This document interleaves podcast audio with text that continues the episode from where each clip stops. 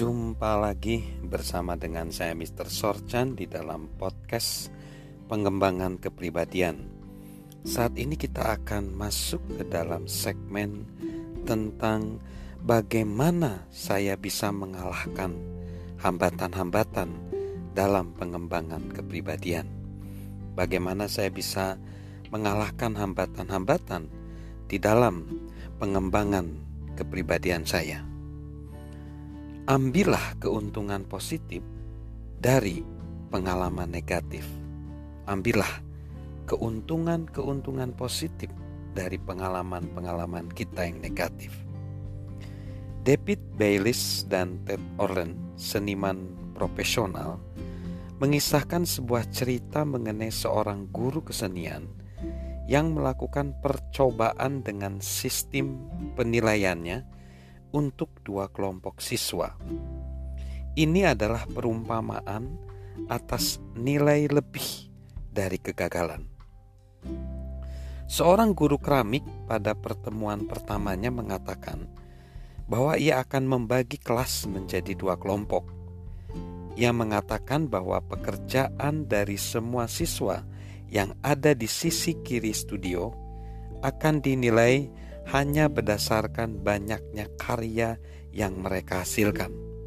Sedangkan pekerjaan dari semua siswa yang ada di sisi kanan akan dinilai hanya berdasarkan pada kualitas. Prosedurnya sederhana. Di hari penilaian, ia akan membawa timbangan dan menimbang pekerjaan dari kelompok kuantitas. Pot dengan besar 25 kg akan diberi nilai A, 20 kg diberi nilai B, dan seterusnya. Mereka dinilai berdasarkan kualitas hanya perlu membuat satu pot, diharapkan yang sempurna, untuk membuat nilai A. Akhirnya, hari pengumpulan tiba dan fakta yang membuat kita ingin tahu pun timbul semua pekerjaan dengan kualitas terbaik diproduksi oleh kelompok yang dinilai berdasarkan banyaknya pekerjaan mereka.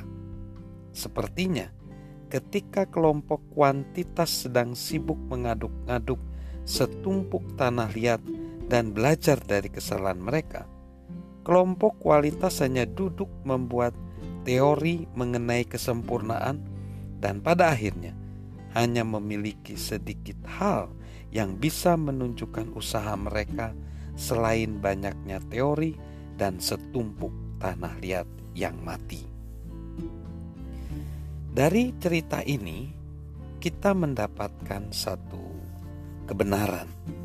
Sebenarnya tidak menjadi masalah apakah tujuan kita ada di bidang seni, di bidang bisnis, di bidang pelayanan di bidang olahraga atau relasi, satu-satunya cara kita untuk maju ke depan adalah dengan gagal terlebih dahulu.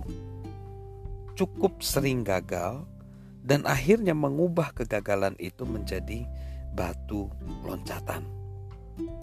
Nah, dari cerita tadi mengenai keramik tadi, kita melihat bahwa masih banyak orang yang hanya sekedar wacana-wacana dan konseptual, tetapi tidak ada tindakan-tindakan yang nyata. Penting sekali tindakan nyata itu, dan tindakan nyata selalu bermula dari kegagalan-kegagalan. Tidak apa-apa kita gagal terlebih dahulu, kita cukup sering gagal, tetapi akhirnya kegagalan itu menjadi batu loncatan kita menuju keberhasilan. Salam sukses luar biasa dari saya, Mr. Sorjan.